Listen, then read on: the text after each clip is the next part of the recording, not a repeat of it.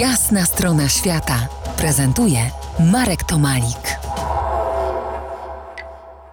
Rdzennie australijskie love story. Teraz ciąg dalszy nastąpi. Rzecz dotyczy pary aborygenów, którzy funkcjonują w powszechnej świadomości jako ostatni nomadzi.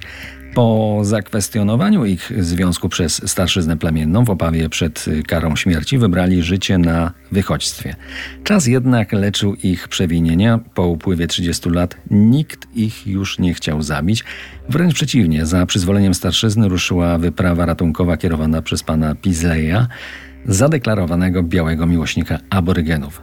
Wyprawa ruszyła pustynnym szlakiem śmierci Canningstogród z Willuny przez najbardziej niegościnne okolice na kontynencie, w otchłań pustyni na wschód, w jeszcze bardziej izolowane tereny w kierunku niewysokich gór.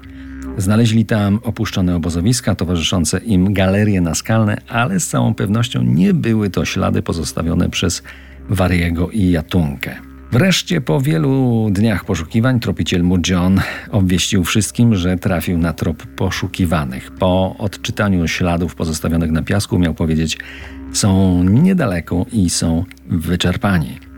Emocje napędziły nadzieję, że jednak żyją. Idąc po ich śladach, ekipa trafiła do kolejnych wyschniętych źródeł na, i na osłabionego psa Dingo, który zdaniem Johna został przez naszą parę Romeo i Juliet porzucony. To już nie były domysły. Tropiciel obecność swoich wyczuwał blisko. Poruszał się jednak niepewnie, namawiał do zaprzestania poszukiwań, jakby nie chcąc trafić na ich zwłoki za kolejną wydmą.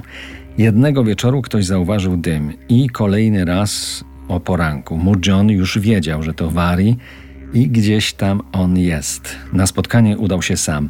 Nie padli sobie w objęcia. Wari był wychudzony, kompletnie nagi i był sam. Niewiele mówił. Łyk po łyku delektował się wodą z butelki Johna.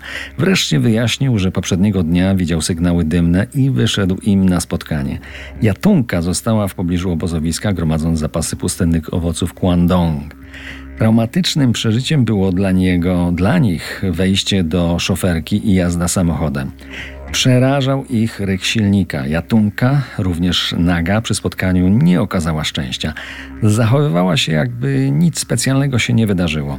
Okazało się, że to ona utrzymywała ich przy życiu, przynajmniej w ostatnim czasie, zbierając pożywienie i zdobywając wodę z zakamarków tzw. Tak studni, w których trudno było poruszać się wariemu i Wari sobie po już tam nie radził. Na tym etapie możemy snuć domysły, co było dalej.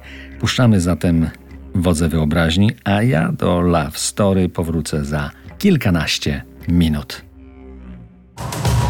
To jest jasna strona świata w RMS Classic.